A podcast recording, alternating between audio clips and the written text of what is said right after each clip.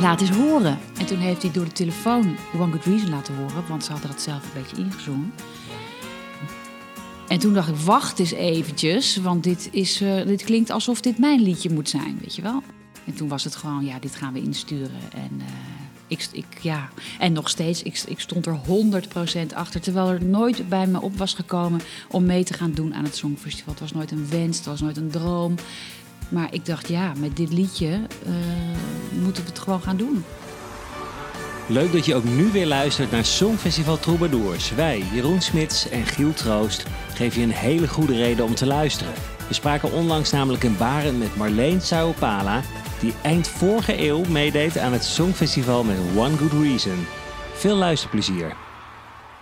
We gaan terug naar het jaar 1999, het jaar dat Feyenoord kampioen werd van Nederland. Het programma Big Brother een mega-hit was en vele landen zouden volgen. De Benga Boys vertrokken naar Ibiza. Prins Willem-Alexander was volop aan het daten met de Argentijnse Maxima. Maar het was natuurlijk ook het jaar dat Marleen Nederland vertegenwoordigde op het Eurovisie Songfestival in Jeruzalem. Hoi Marleen. Hi. 24 jaar terug inmiddels. Oh, zo lang alweer. het voelt als gisteren. Time flies. Nou, het voelt zeker niet als gisteren, maar als je dat dan zo hardop zegt, dan denk ik, jeetje mina, het is wel echt lang geleden. Is het lang geleden? Ja, 24 jaar geleden. ja, we gaan, voor het Eurovisie heb je natuurlijk nog andere dingen gedaan. We gaan even terug naar jouw, eh, jouw jeugd. Uh, je hebt het conservatorium gedaan, als we het goed hebben. Ja, klopt. En je komt ook uit een muzikale familie. Jazeker, mijn vader was muzikant, Rijn van der Broek, trompetist. En uh, hij speelde in de band Exception. En die band uh, was eigenlijk toen ik heel klein was, uh, en eigenlijk nog niet eens geboren was, was super populair. Niet alleen in Nederland, maar ook in Scandinavië. Dus hij was in mijn beginjaren zeg maar heel veel op tournee met de band. dus ja, dat, die muzikale genen heb ik wel van hem gekregen, ja. Ja, en buiten die muzikale genen uh, die hij je heeft gegeven, is natuurlijk ook nog dat we hem iedere zomer weer terug horen. Ja, dat klopt. Oh, dat vind ik ook zo te gek. Want hij heeft uh, de tune geschreven van de Tour de France. Ik neem aan dat je daar. Ja, meerdere tunes. Hè? Ja, ja, ja. klopt. En. Um, ja, dat is natuurlijk altijd een feestje. Ik hoorde, ik hoorde van de week ook iemand die had hem als ringtone. En uh, het was echt helemaal out of context. Want het is natuurlijk uh, ja, nu geen zomer. En ik had hem al een tijdje even niet gehoord. En toen hoorde ik hem als ringtone. Toen dacht ik, oh ja, dat is hem, weet je wel. Dus, um, en wat een heleboel mensen niet weten, hij heeft bijvoorbeeld ook een solo gespeeld van um, More Than I Can Bear van Matt Bianco. Oh. Daar zit een uh, bugelsolo in en dat is mijn vader. En heel af en toe dan hoor ik die nog wel eens op de radio en dan ben ik ook altijd zo super trots ja, op hem. Ja, dat snap ik. Ja.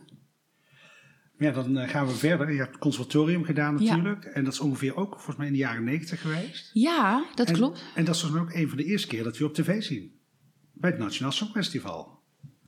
Ja, voor de oplettende luisteraar en kijker, die hadden mij al wel in een heel kort rokje en strak pakje kunnen opmerken bij de Frogets. Um, want ik, ik heb jaren bij René Vroger gezeten en daar met hem getoerd en allerlei dingen gedaan. Superleuk. Um, en bij uh, 92, dat, dat was, was natuurlijk Laura Vlasblom, ja. ja. Uh, jij belooft de gouden bergen en je zou me alles geven. Voor de rest weet ik niet meer. Maar nou, dat, tweede plaats. Dat weet ik ja. nog wel. Ja, ik had ja. er al bijna heen gegaan. Kun je nagaan. Ja, ja dat was een begin uh, geweest. En uh, Marjolein Spijkers zat er ook in, van Miss Einstein. Ja, ja. klopt. Ja. Ja. ja, en vanaf 1994 uh, hoorden we je iedere werkdag in, uh, in een heel populair tv-programma. we gaan even naar een stukje luisteren. Koffietijd, een beetje gezelschap. Pak tijd voor jezelf. Het helpt je de dag door. Het is koffietijd voor jou en dat weet je. Lekker gezellig. Neem er tijd voor. In koffietijd. Ja, koffietijd. Ja, dat is um, inderdaad wel uh, een soort historische... Het is bijna een iconische tune, hè. Dat vind ik ook wel tof, want dat was, het programma bestond nog niet. Dus het was echt de eerste, de allereerste tune van dat programma. En ja. ook de man die het had geschreven, Hans van Eyck... die uh, wist eigenlijk helemaal niet hoe groot het zou worden... en uh, dat het zo populair zou worden. Dus die zei, ja, ik weet niet hoor of dit wat wordt... maar ja, we, we doen het maar gewoon. Ik zei, oké... Okay. Dus uh, dat is natuurlijk ontzettend leuk. Dat samen het, met Mandy. Samen met Mandy samen, ja. Van ja. Ja. En uh, daarna, je haalde het net al even aan, uh, kwam je bij de Frogets. Ja. Eh, vertel eens over die, eh, over die periode. Hoe heb je dat ervaren? Nou, dat was wel helemaal te gek hoor. Want ehm, ik studeerde dus toen nog aan het conservatorium. Nou is dat, was dat de afdeling lichte muziek, dus jazz. En heel af en toe wat pop was het nou. Maar meestal jazz. En als je dan eh, natuurlijk in het koortje zit bij René Vroger, dat was eigenlijk not done. Want Vroger, dat was natuurlijk popmuziek, populaire muziek. eh, Commercieel. commercieel, Nederlandstalig. Nou, dat stond zo ver af van de hele jazzbeleving, maar het interesseerde me helemaal niks. Want ik, ik heb daar zoveel geleerd bij René ik- en, en al die tours die, die we hebben gedaan. Dus daar ben ik nog steeds heel dankbaar voor. Want eh, ja, ga maar na. Als je als student eh, tien keer achter elkaar naar Hooi staat en in de Kuip staat. Dat is natuurlijk gewoon toch super tof avontuur.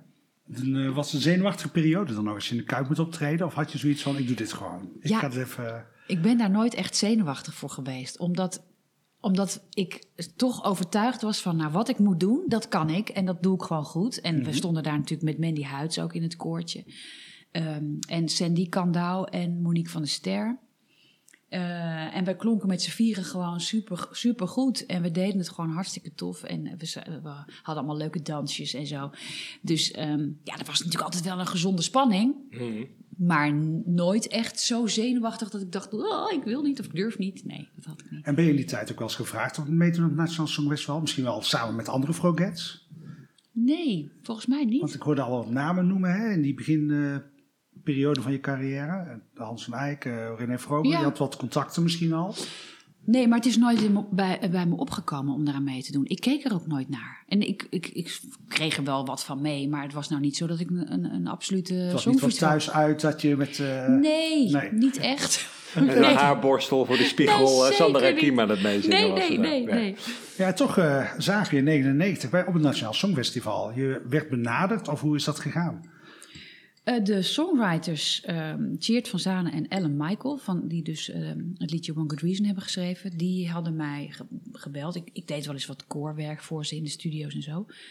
En die hadden mij gebeld of ik iemand wist die het leuk zou vinden om mee te doen aan het Songfestival.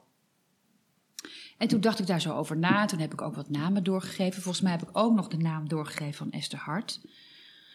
En eh, nou, we hebben afscheid genomen en eh, ik vertelde aan Danny, mijn man, van nou, ik werd gebeld door Cheert en Ellen eh, of ik iemand wist. En terwijl ik het zo bedacht, dacht ik van waarom ga ik dat eigenlijk zelf niet doen? Ik wist helemaal niet wat voor liedjes ze hadden, maar Nee. ik wist natuurlijk wel dat het hele goede songwriters waren. Dus toen heb ik teruggebeld en gezegd, hé, hey, wacht even, voordat je iemand anders gaat bellen, misschien is het wel wat voor mij laat eens horen. En toen heeft hij door de telefoon One Good Reason laten horen, want ze hadden dat zelf een beetje ingezongen. Ja. En toen dacht ik, wacht eens eventjes, want dit, is, eh, dit klinkt alsof dit mijn liedje moet zijn, weet je wel. En dus, eh, nou, toen hebben we afgesproken, heb de demo ingezongen. En toen was het gewoon, ja, dit gaan we insturen. En, eh, ik, ik, ja. en nog steeds, ik, ik stond er 100% achter, terwijl er nooit bij me op was gekomen om mee te gaan doen aan het Songfestival. Het was nooit een wens, het was nooit een droom. Maar ik dacht, ja, met dit liedje eh, moeten we het gewoon gaan doen. Maar Ja. het liedje moest nog door de selectie, denk ik. Ja. Hè? Want er waren een aantal nummers. eh, Jan Keijs bijvoorbeeld was er wel zeker dat hij een liedje mocht schrijven. Een beetje hetzelfde concept als 1998. Er waren vier vaste schrijvers die al gegarandeerd waren. Oké. En vier dan uit de vrije inzending. Dit weet kwam dan dan. uit de vrije inzending. Dit kwam uit de vrije inzending. Ja, dat was nog heel spannend om, Ja, dat snap ik. Ja. om af te wachten. Gaat het, eh, gaat het er doorheen komen? Wordt het geselecteerd. En eh, nou ja, het werd eh, natuurlijk geselecteerd. En ehm, hoe hoorde je dat? Hoe kreeg je dat mee? Weet je, werd je gebeld door de, door de NOS? Of? Ik, ik, dat weet ik niet meer helemaal, helemaal zeker. Maar ik denk dat ik gebeld ben door Cheert en Ellen.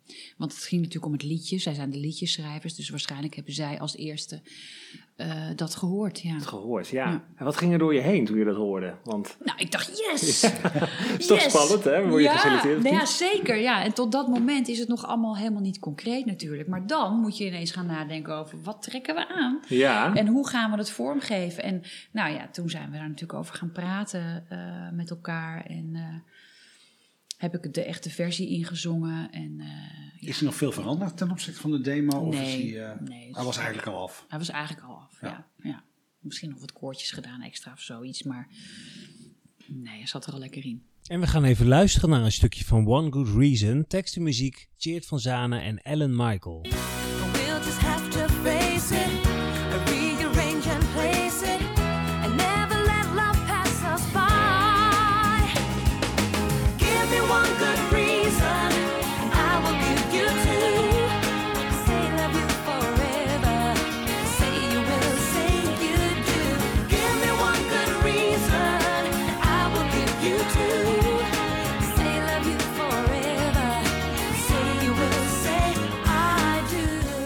En dan ga je dus bedenken hoe gaat eh, de act eh, eruit zien, of hoe gaat het op het podium eh, eruit zien. Ehm, hoe ging dat? Wist je meteen van, oké, dan ga ik die backings vragen en dan ga ik... Ja, dat was er eigenlijk meteen uitzien. wel al wel duidelijk. Want ja, ik wilde sowieso natuurlijk eh, backings hebben. Want ja, dat, is, dat, dat was gewoon heel belangrijk ook bij dat liedje. Ja, En ehm, de, akoestische gitaar eh, intro, dat is natuurlijk ook heel... eh, dat, dat hoort ook echt bij One Good Reason, ook dat hele intro. En wij speelden toen al heel veel met Leonard Haaksma. Eh, en nou ja, dat, dat Leonard natuurlijk er ook zo fantastisch uitziet met die kop met haar. Dat, dat werkt natuurlijk ook altijd mee. mooie krullen. Ja, mooie bos met krullen. En, eh, dus ja, we hebben gewoon aan hem gevraagd, zou je dat willen doen? En ik geloof dat je met een aantal mensen op het podium mocht staan. Ik weet even niet meer met Ja, hoeveel. zes eh, maximaal. Ja. Ja. Ehm, dus daar hebben we hiervoor gekozen eh, om, het, om het zo te doen. Ja. Ja, en, en wat ga je dan aantrekken? Dat is dan natuurlijk ook een vraag wat je Ja, bezighoudt bij oh een songfestival. ja. Ja. Hoe, hoe ging dat? Nou, ik weet wel dat ik voor de nationale finale wist ik al wel heel goed wat ik... had ik wel goed beeld in mijn hoofd wat ik dan wilde. Ja, En volgens mij heb ik dat laten maken ergens. Maar wat je zegt, het is 24 jaar geleden. ik terug, moet heel ja. diep graven voor dit soort details. Ehm, het was gewoon heel simpel volgens mij. En eh, ik voelde me daar heel fijn in en heel eh, comfortabel in. En ik weet nog dat. Hoe kwam ik daar dan nog bij? Weet dat eh, ehm, er was een visagiste, Jolanda Soniga, Amerikaanse, en die, eh, die had aangeboden, daar, daar, daar werkte ik wel eens mee via via, en die had aangeboden om mij dan op te maken. En toen had ik bedacht, ik wil hele blauwe ogen hebben. Dus ik, wil, eh, dus ik dacht, ik ga van die lenzen in. Ik heb natuurlijk wel blauwe ogen, Ja, ja. maar niet zo erg hoor. Zeeblauw, ja. Ja, Ja. precies. Dus, eh, en ik wilde ook een blauw dingetje aan. Ik, ik dacht, ik zag alles in het blauw, zeg maar. Dus ik had ook die lenzen dat aan. was het, eh, het thema voor jou. ja, dat was voor mij het thema. Ja, en op een gegeven moment, ja, dan krijgt het een beetje vorm. En ik heb er natuurlijk verder geen verstand van. Maar op dat moment werkte het goed. Dus eh, ja. Ja, ja. Ik zat laatst al nog de, de beelden natuurlijk even terug te kijken. En ik dacht al, oh, dat zijn wij hele blauwe ogen. Maar Ja. dit zijn dus- Dat was bekend toen ook al hoor. Ja, maar, ja, dat ik, toen was, al ik, bekend, ja, ik heb er niet over gelogen. Nee. Nee, want- nee, precies. Maar ken je ook de andere deelnemers die eh, mee gingen doen? Het waren natuurlijk tien liedjes die meededen. Nou, ik kan me herinneren dat eh, Jane Talani meedeed. Ja. Een Molukse zangeres, ook een fantastische zangeres. En deed Roger Happel nou ook Klopt. mee? Ja, hè? Die deed in 98 nog de backings bij Celia. En Ja. wilde het nu zelf proberen. Ja, precies. Nou, ik heb heel veel met eh, Roger ook gespeeld, weet je wel. Dus eh, die, we kenden elkaar natuurlijk wel. En eh, ik weet nog Double Date, dat was natuurlijk een Uiteraard, klassieker. Ja. Tamara Tol. Tamara Die ook Tol. nog steeds zingt, Oh ja. ja, dat is waar. En voor de rest weet ik het eigenlijk niet meer zo. De nummer twee ken je ook niet meer. Diante, de groep. Oh jeetje, wat was dat ook Dat alweer? was een R&B groep. Ja, R&B groep Ja. die ook nog echt een grote hit hebben gescoord met hun nummer. Ja, pas in de zomer. Dat was De heel zomer, ja, een paar maanden Oh, later. Toen oh. opeens werd dat nummer opgepikt of zo. En toen, Ja. eh, toen werd dat nog een, Oh, nog een hit. oké. Top 20 Ja. hitje was het inderdaad. Ja. Ja. Ja. Dat waren dus je concurrenten, maar Ja. dan ga je dus repeteren. En eh, wat dacht je? Nou ja, ik, ik, volgens mij had ik het gevoel, eh, tenminste als ik mezelf nou zo een beetje ken na al die jaren, dat ik vooral heel erg van mijn eigen kracht uit wilde gaan. En, en eh, ja, ik had wel, want ik weet wel dat Double Date, die zaten in de kleedkamer naast ons en die gingen dan oefenen. En dat was echt, echt, echt heel slecht. Was toen al. Dus niet alleen in de Dus tv-uitzending. Dat waren Nee. niet de zenuwen, zeg maar. Nee, nee, nee, nee, nee, nee, nee. En die kregen nog een soort van les en zo. En eh, het was echt gewoon, eh, ja, gewoon vals. En toen dacht ik, ja, nou, als, die moet ik wel kunnen hebben. Als ik, die, als, als ik daar niet van vind, dan, dan laat maar zitten, weet je wel. Ja, dus je dacht al, laatste zal ik in ieder geval niet worden. denk ik zal ik niet worden. Nou, ze hebben het volgens mij nog niet eens zo heel slecht gedaan, toch? Nou, ik, weet, ik weet het eigenlijk niet, maar... Ja, ze zijn wel laatste geworden. Oh, 19 dat wel. punten, maar ze hebben wel een hitje gehad. Ze hebben een Ja, hitje gehad, zeker. ja. Met Emo to Berlin. Berlin. Het was natuurlijk wel zo, want jij, jij zou uiteindelijk winnen. Maar er ging best wel aandacht uit naar Double Date. Ja. Heel veel. op Radio heel 3 veel, heel veel eh, aandacht eh, besteden aan eh, Double Date. En dat is natuurlijk wat hilarisch. En dat was vals. Maar ik denk, ja, de winnaar Ja, maar Later kwam die aandacht wel, maar de eerste dagen was er heel veel aandacht voor Double Date. Dat kan me nog wel herinneren. Oh, dat Er was heel veel om te doen. Jij inderdaad. zit natuurlijk in je eigen wereld. eh, druk overwinning. zat in ieder Ja, geval. dat Ja. snap ik. Dat snap ik. Ja. Dus hebben- De jury eh, bestond onder meer uit uh, Bolland, Frederik Spicht, Wessel van Diepen en Harry van Hoof. Oh, Kende ja. je die eh, juryleden al, persoonlijk? Of, Nee, of- persoonlijk of uit nee, het niet. vak, of uit het ja, vak, nee, of uit- natuurlijk wel van zijn grote namen, maar Ja, nee, Bolland, eh, daar heb ik ooit wel eens ook nog iets van koortjes voor gezongen ooit bij, bij een van de productie. Dus die zal mij wel, eh, ja, die zal me wel herkend hebben als zodanig, zeg maar. Maar ja, eh, nee, we hadden Herkenning, niet... ja. Ja, Ja, precies. ik kreeg nu al veel hoge punten. Onder andere Sugarly Hooper gaf je de volle map. Oh ja, en die ook. die zat er ook nog bij. Ja, En ja, na de puntentelling van de jury stond je 11 punten voor op Jane. Die je net ook al aanhaalde.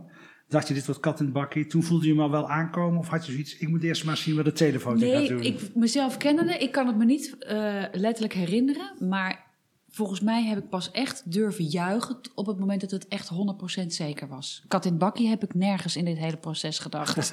nee. dat heb je nergens gedacht. Nee. Nee. Kun je niet betichten van arrogantie, want dit ga ik even doen. Geval. Nee, absoluut niet. Nee, ook wel hartstikke bleu wat dat betreft nog. Nou, uiteindelijk eh, ehm, won je glansrijk, kunnen we wel zeggen. Ook met eh 42% van de telefootstemmen erbij.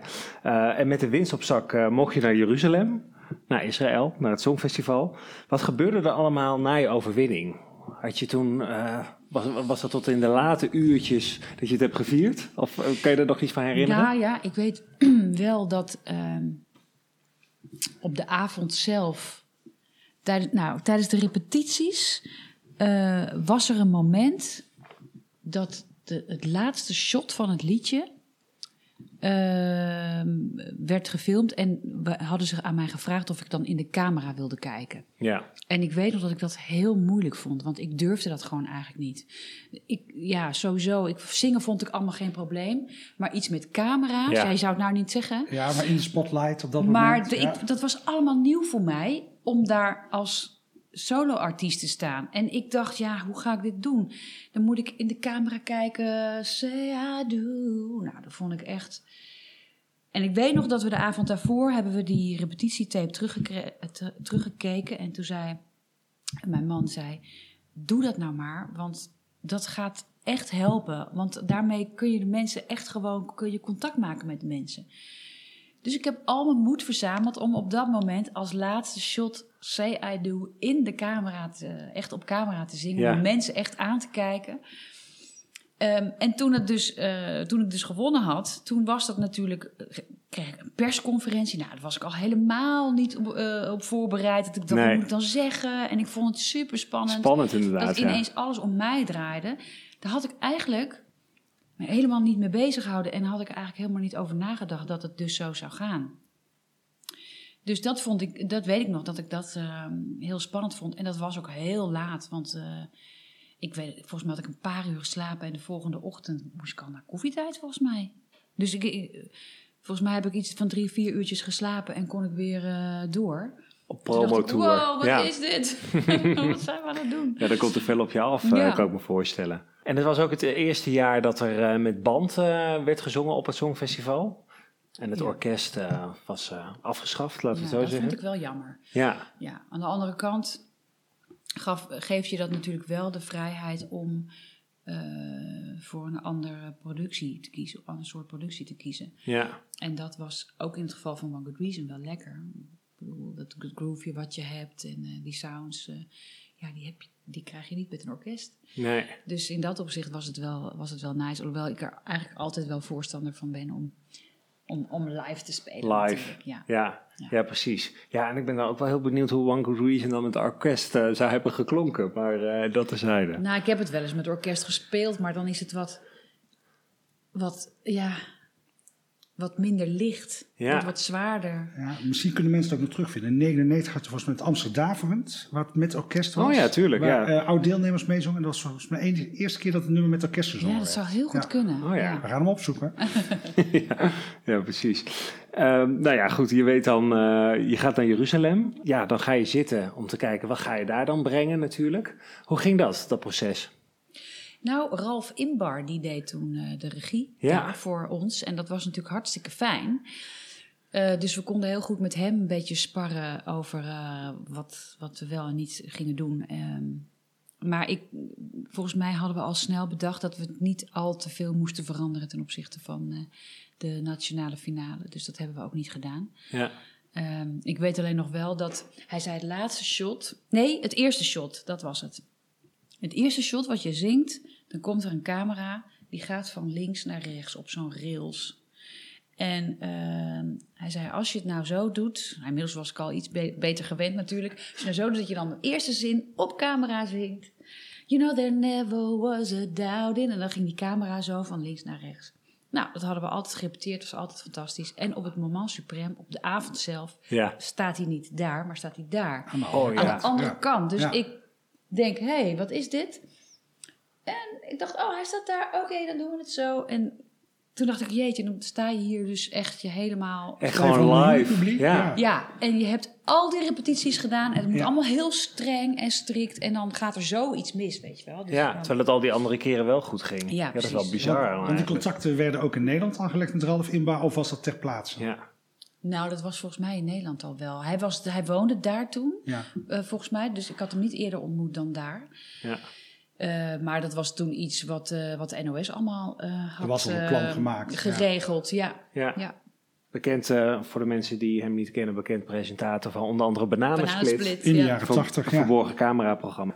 En ehm, was het meteen voor jou duidelijk, oké, ga ik met dezelfde mensen naar Jeruzalem? Ja, Hetzelfde koortje. uiteraard. Ja, Ja, uiteraard. Ja, Ja, daar was geen altijd- twijfel over. het is altijd wel het netste, maar eh, nou ja, de geschiedenis leert wel dat daar ook nog wel eens veranderingen in plaatsvinden dan Oh, natuurlijk. ja, nee, er was bij mij geen sprake van. Nee, nee, precies.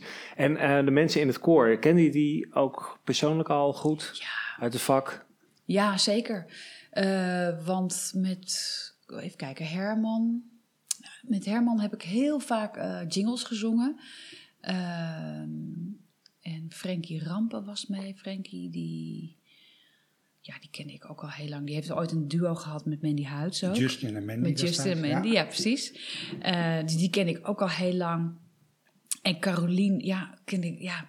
Het is op een gegeven moment een heel klein wereldje hè, van mensen waar je heel vaak mee zingt en graag mee zingt. Dus eh, Nou, het leuke is, zowel Carolien als Frankie hebben ook weer aan het Nationaal Songfestival meegedaan. Ja, precies, ja. Ja. precies. Met Ebonique ook Ja. natuurlijk. Ja. Ja, en de schok van mijn leven in 1992. Als. Justin eh, Ja. net na het eh, duetje met eh, Mandy, waar hij een, eh, een hit mee had. En kreeg je ook een, eh, een budget vanuit de NOS om eh, bijvoorbeeld voor kleding te gaan shoppen? Of ehm, hoe moeten we dat eh, voor ons zien? Eh, nee, nou dat kreeg ik niet. Want ehm, ze, er was een kledingvergoeding van, ik geloof 750 gulden. Oké. gulden, hè? Ja. Ehm, dus dat was natuurlijk helemaal niks. En ik had niet zo'n gehaaide manager. Ik had helemaal, helemaal geen manager. En ik was zelf ook helemaal niet zo gehaaid om te zeggen... ja jongens, hallo, eh, Wat kunnen we hiermee? wat kunnen we Ja. hiermee? Hè? Met vier, vijf mensen op het podium. Ja. Dus eh, nee, dat, eh, het heeft me echt enorm veel geld gekost om... Heb je jezelf allemaal bijgelegd? Want dat was ja. 750 voor, voor iedereen. ja, ook voor, ook voor het koor. En, Of 750 of 1500. Maar volgens mij, nou ja, al, al zou het 1500 zijn, is het natuurlijk nog nee. niks. Dus daar heb je heel veel zelf bij moeten leggen. Ja, het heeft me heel veel geld gekost. Ook omdat ik niet meer kon werken. Want ik had helemaal geen tijd om te werken. Want ik moest overal opdraven. Dus Ja, promo en programma's. promo's en dingen. En ja, dus eh, nee, dat was... eh, Nou, het was tien weken. Het Nationaal is 14 maart. Eurovisie 29 mei uit mijn hoofd. Dan zit je zo'n tien weken dat je alleen maar met voorbereidingen Ja. bezig bent. En promotie. ja, ja, ja, ja, dat was best een pittige tijd, ja. En dan ook daar eh, stel je jezelf dan weer de vraag: wat ga ik aantrekken op dat podium? Ja, precies. Want er was een andere outfit. ja, nou, dat, en dat, daar heb ik dus spijt van. Dat als ik ooit iets kan veranderen in mijn verleden, dan zou ik gewoon denken: ik, wil, ik ga precies hetzelfde aantrekken als eh, op de nationale finale. Eh, maar dat heb ik helaas niet gedaan. Dus, Nee. En ik kan het ook niet meer veranderen. Nee. Dus ehm, Maar toen was het een bewuste keuze, denk ik. Of, het was sowieso een Ja, bewuste keuze, ja. zeker. Maar achteraf gezien denk ik, ja, waarom? Het is, dat was gewoon heel sterk, een heel sterk beeld. En dat had ik gewoon nog een keertje moeten doen. Dat je nog een keer, wat had je ook, hè, wat je net ook vertelde, heel erg over nagedacht met dat blauw. Ja, en dat met, zag ik voor me ja, en zo. dat zag je en voor je. ik kan ook niemand de schuld daarvan geven behalve mezelf. Het is gewoon echt, ik heb dat zelf zo bedacht dat dat anders moest. En, eh, maar nou, ik heb ook niemand gehoord die daar kritiek op had.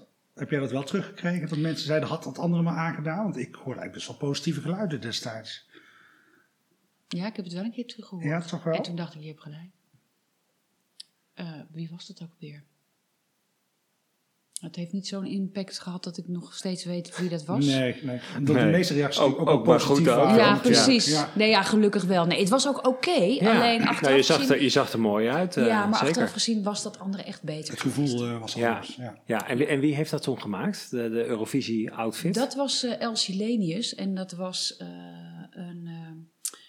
een, een vrouw die ook bruidsmode, eh, die ook zelf eh, trouwjurken maakte en zo. Dus helemaal haar eigen ontwerpen maakte en dergelijke. Dus, Ja.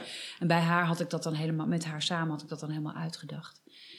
En eh, ja, ik was er toen heel blij mee, maar nu achteraf denk ik, ja, jammer. Jammer. ja, dus dat zou je, dat zou je anders doen. eh. Ja.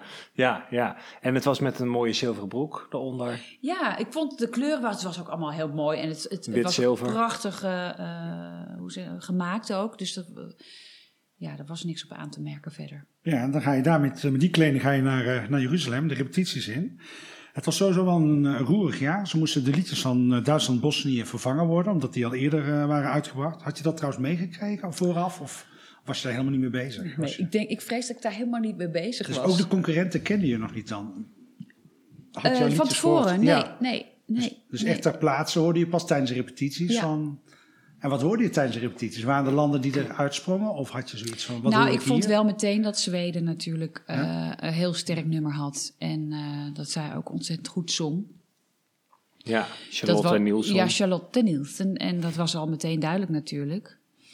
En er was nog een Marleen Ja, uit Cyprus. uit Cyprus. En die stond heel lang op één bij de... Bij de boekmakers. boekmakers. ja. Ja. Maar die is uiteindelijk heel laag geëindigd. Ik dacht één na laatste. Ja, dat was echt- de scorelijst bij me. Eén en, eh, eh, ja, één en laatste met twee ja, punten. en, 22e. en dat was, vond ik heel sneu, want eh, dat had niemand aanzien komen en zij ook niet. En ik weet nog dat we elkaar na afloop eh, spraken. En dat, eh, dat we echt even elkaar geknuffeld hebben van... eh, jeetje, wat is hier nou gebeurd, weet je wel? Dus, eh, Ja, dat was een grote verrassing. Als je Ja. eens staat bij de boekmakers. eh, en dan helemaal ja. om... Ja, dus ja, daarom, het zegt ook niks. En Ja. ik weet nog wel dat ik dacht... ik ga me zo weinig mogelijk aantrekken van wat iedereen vindt en zegt... en boekmakers en, en voorspellingen en eh gedoe. Ja. Net voor het Songfestival komen ze op, stonden de boekmakers net iets anders voor. Daar stond je best wel hoog genoteerd. Maar eh, ja, je moet nog naar Jeruzalem. Dus er was veel pers op Schiphol. Eh, hoe, voelde, hoe ging dat? Eh, want ja, iedereen gaat je uitzwaaien. Ja, nou ook daar had ik niet heel goed over nagedacht. Eh, want ik, Had je mediatraining bijvoorbeeld gehad? Of? wel nee, wel Nee? nee, wel nee, wel nee. En ik wist ook helemaal niet dat dat zo'n ding was. Snap je wat ik bedoel? Dus ja, want Dat alle pers naar, Ja. naar Schiphol komt om je uit te zwaaien. nee, ja, nee ja. joh, weet ik veel. En en pas achteraf gezien dacht ik, oh ja, dan heb je natuurlijk shownieuws en die maken een itempje. En je hebt, eh, nou, ik weet niet of je toen al Boulevard had, maar in ieder geval, er waren allemaal van die programma's die daar dan een item over hadden. En dat heb ik me gewoon nooit echt goed gerealiseerd aan de voorkant. Dus ik dacht, oh wauw, wat een, wat een mens. Is dat voor Wat mij? een mensen, ja. Ja. ja, maar het was natuurlijk wel hartstikke leuk. En, Ja, maar het eh, overvalt je wel. Als je het niet in de gaten hebt, dan eh, lijkt me dat best wel... Ja, Ja, ik had, het, ik had het niet zo. Ik weet ook dat we in, in Jeruzalem op een gegeven moment. was er één dag, dan konden we een tripje maken naar de, naar de oude stad. En toen dacht ik, oh, dat is wel leuk, dat vind ik wel tof. En ehm, toen stond de bus daar klaar. En toen bleek dus dat de hele Nederlandse pers meeging met mij naar Ja. de oude stad. Maar dat had ik ook niet bedacht. Nee. Dus ik kwam daar gewoon met mijn knot helemaal niet opgemaakt of whatever. ja maar er dus is ook toch niemand van de NWS die dan even zegt van... Dit is de bedoeling, dit is het programma. Ja, even een beetje begeleiding. Nou, want- die hebben wel wat steken laten vallen hoor, op dat vlak. En eh, ja, dat is eh, natuurlijk heel jammer. Maar het is ook te wijten aan mijn naïviteit. En eh, ja, gewoon niet zo goed Ja, gecommuniceerd. Maar ergens ook wel begrijpelijk, toch? Want ik bedoel, wat je zegt, eh, hè, de, het Songfestival was niet on top of mind eh, bij jou. Dus laat staan, als je dan weet hoe, hoe zo'n week verloopt, dan verwacht je toch ook wel wat meer begeleiding en wat meer Ja, sturing. nou ja, ik dacht, we gaan naar de Klaagmuur. Dus ik dacht, oh leuk, een tripje. Ja, Ja, maar niet bedacht dat dus iedereen, die hele bus zat vol natuurlijk. ja. Dus, maar het was wel heel leuk hoor, want iedereen van de pers was ook echt super lief en super aardig. En eh, ja, dus we hadden een hele goede eh, verstandhouding met iedereen. Dus Ja. dat was wel echt heel leuk. En dat was wel echt een Nederlandse trip? Of zag je dan ook andere kandidaten die stonden daar ook bij de klaar? Nee, dat was wel echt een eh, Nederlandse trip, tenminste op dat moment. En ik weet nog dat ik ehm, een foto heb gemaakt ik liep daar door zo'n straatje en er waren echt, nou ja, dat beeld wat je dan wel eens hebt van echt zo'n ster die allemaal heel, een heleboel van die fotografen en zo voor zich hadden van, weet je wel. Ik weet nog dat ik een foto had gemaakt van al die mensen aan, die voor mij stonden. En dat was zo'n gek beeld eigenlijk, omdat ik dacht, jeetje, dat is dan, gaat dan om dat liedje One Good Reason. Ja, Gaat in drie minuten is dat straks voorbij. ja.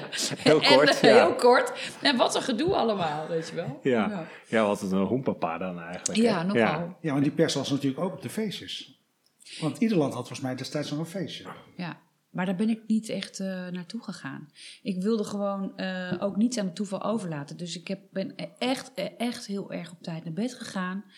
Eh, ik heb goed voor mezelf gezorgd, ben gaan sporten, gezond gegeten, niet gedronken, bla bla bla. Want ik dacht, ik ga, je gaat toch niet hier naar Jeruzalem komen om dan vervolgens ziek of stem kwijt of zo. Dat, Dat zou gebeuren zeg, ja. Ja, dat kan. een nachtmerrie natuurlijk. Ja, terwijl je gewoon lekker aan het feesten bent en joe, joe, ja. weet je wel. ja. Bij het Nederlands feestje, waar je dus uiteraard wel bij was, Ja, heb je een beetje de achtergrond gehouden. En, eh, Ja, ik heb gewoon wel, maar niet, ik ben niet tot, eh, tot in de kleine uurtjes eh gaan. niet in de. Euroclub swingen. En, Oh eh, nee, nee, Nee. nee, nee. En, en hoe voel je dat dan bijvoorbeeld? Zo'n Nederlands feestje, dan komen al die artiesten naar jou toe. Voel je je daar dan lekker bij? Of denk je van nou, van mij hoeft het eigenlijk niet? Als ik eh, maar eh, kan zingen, dan eh, maakt het me niet uit. En er was natuurlijk een optreden moment, weet je wel. Dus ik kon daar lekker wat spelen. En ja, dat was gewoon hartstikke leuk. Dus, Daar geniet je van. Daar Ja. geniet ik van, ja. En je ziet natuurlijk heel veel, ehm, gewoon die hele week, veel deelnemers voorbij komen. Ehm, wa- wat weet je daar nog van? Had je met bepaalde artiesten een klik? Of Nou ja, met die andere Marleen had ik wel Ja. eh, inderdaad af en toe eens een gesprekje. de, de naam, Ja, hè? dat, dat, Dat- eh, dat- dat, eh, schept een band ja, natuurlijk. ja, precies. Eh, en ik had wel van tevoren, weet ik nog, dat waren deze dingetjes trouwens. Die had ik allemaal voor mensen Oh. meegenomen als een soort toi toi toitje. Zo'n zo'n voor de andere een kandidaten. knijpertje een met knijpertje een met kaartje mijn erin. logootje erop. Ja, Ja. zo'n toi toi toi. En dat ging ik dan vlak voordat we live gingen, ging ik dat uitdelen. Eh, maar ik eh, merkte ook al snel dat het eh, werd niet bij iedereen heel warm ontvangen. Die waren dan helemaal in voorbereiding voor hun show. Oh ja. ja, want dit was echt gewoon voor de, voor de live show op ja. zaterdag. Ja, en ik dacht, Ja. joh, waar maak je druk om? Je gaat gewoon zingen en je weet dat je dat kan. Dus Ja, ja, je hebt gerepeteerd. rustig en, eh, aan, ja. ja. Want had je wel contact, want er was een oud deelnemer die namens Nederland had meegedaan in 1981. Die zat nu in de backings bij België. Kun je dat nog herinneren? Of heb je daar contact mee gehad? Hier wordt heel hard nagedacht. eh, Door dingen. Oh, de pressure. Ehm, nou, Nee, dat was, eh, ik ga het gewoon eh, verklappen. Dat was Linda Williams, die deed in 81 mee met Het is, eh, het is een Wonder. ja.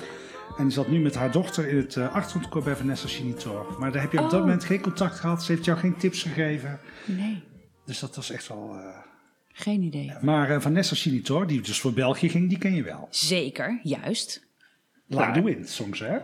Ja, en zij eh, kent jou ook nog, want ze heeft iets voor je ingesproken. Hoi Marlijn, ik ben Vanessa Schinitor.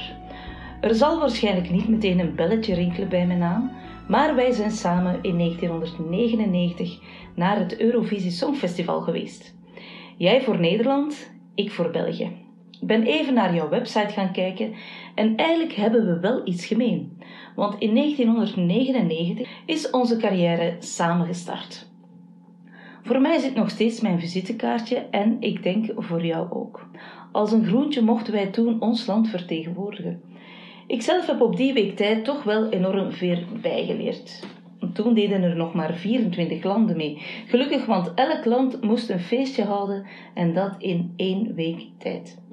De avondfeestjes, ja, die moest ik jammer genoeg achter mij laten, daar ik elke dag om 10 uur s morgens repetitie had. Onze uitslag Nederland achtste plaats, België twaalfde plaats. Was niet zo slecht. Ik weet nog heel goed dat we van eh, Nederland 12 punten hebben gekregen. Dus kortom, voor mij is het Eurovisie Songfestival toch nog steeds een positieve noot. Beste Marlijn, ik wens je nog heel veel succes in je verdere carrière. Geniet een volle teugen van het leven en wie weet komen we elkaar wel eens tegen. Vele groetjes, Vanessa. Nou, wat super lief. Ik krijg echt serieus kippenvel. Wat ontzettend lief berichtje dit. Een lief berichtje. hè? Ja, en ik weet inderdaad ook nog dat wij 12 points kregen van België. Dat was natuurlijk één groot feest. Ja, een mooie uitwisseling was dat. eh, in Ja, 1999 in precies. de telefoon. Wat lief, wat Ja. lief. Ja, super Ja. lief. Ehm, en waren er voor de rest dus nog andere artiesten? Je zei Marleen. Jullie schreven de naam trouwens wel anders. Ja, en, klopt. En, en leg nog even uit hoe het zit met jouw naam. Want Ja, je heet nou, natuurlijk Marleen met, Met dubbel E-E-N. E-N, ja precies. Eh, en toen ik dus naar Jeruzalem ging, dacht ik, nou dan is het misschien wel een goed idee als mensen daar niet gaan zeggen Marleen. Ja. Want zo spreek je dat natuurlijk uit als je het zo schrijft. En toen dacht ik, nou dan doen we A-Y-N-E. Nou, tot op de dag van vandaag ben ik dat nog aan iedereen aan het uitleggen. Hoe je dat dan... Ik ben ondertussen Marilène genoemd, Marlijne. eh, nou ja, van alles en nog wat. Alle varianten kwamen Ja. voorbij. Ja. En wie vond je zelf goed van de, van de eh, nummers? Je zei Zweden, dat sprong er wel uit. Ja, Zweden sprong er zeker uit. Ehm, en ik had ook al vrij snel wel het idee dat, dat als dat niet gaat winnen, dan, eh, dan weet ik het ook niet meer. En om heel eerlijk te zijn, weet ik verder niet zo heel veel meer van die liedjes die er toen waren. Eh, eh, nee, dat is me verder niet heel erg bijgebleven. Ja, het grappige is dat bij de boekmakers op zaterdagochtend, eh, die hebben er even bij gezocht, stond Verenigd Koninkrijk op één. Heel verrassend. Die werden eigenlijk maar eh, heel laag. Want we Welk hebben nummer hadden die ook alweer? Say It Again van de damesgroep Precious. Precious en Oh, eh, ja. ja, meidengroep eigenlijk. Maar dat soort- werd dus niet veel. In Zweden was twee, inderdaad. Je gaf al aan, dat was eigenlijk al een van de grote favorieten. Ja. Derde stond Malta. En vierde Nederland, Oh. samen met IJsland. En daarachter Cyprus en Ierland. Dus er waren wat verschuivingen net eh, na de repetities. Dus je bent wat naar boven geschoven. Vierde plaats. ja. Het zegt dus helemaal niks, hè? Maar dat heb je ook helemaal niet meegekregen. Je dacht, laat maar, laat maar lekker gaan. En dat was Nee. een goede, nou ja, een, goede vibe, omdat natuurlijk Edcilia het jaar ervoor vierde was Ja. geworden. Dus eh, Ja. Eh, ja, dat, dat, dat, dat gaf de burger natuurlijk moed ook. Ja, precies. Nee, maar je wil natuurlijk gewoon winnen. Want dat is Ja. gewoon waar je... Je gaat niet eh, om vierde te worden of eh achtste te worden. Je Nee. wil dan natuurlijk gewoon op nummer één komen te staan. Absoluut. Maar omdat je toch daar verder niets aan kunt doen... behalve natuurlijk gewoon goed zingen... Ja. en zorgen dat dat liedje gewoon goed overkomt... Eh, nou ja, daar heb je echt wel alles aan gedaan aan de voorkant. En eh, die drie minuten zijn dan heel belangrijk. En voor de rest, ja, is het out of your hands. Dus dan moet je dat echt gewoon loslaten. Dus ik Ja. heb echt geprobeerd om, om me niks aan te trekken van oh, dingen waar ik toch geen controle over heb. Want eh, er was natuurlijk heel veel Nederlandse pers, gaf je al aan. Ja, heel veel.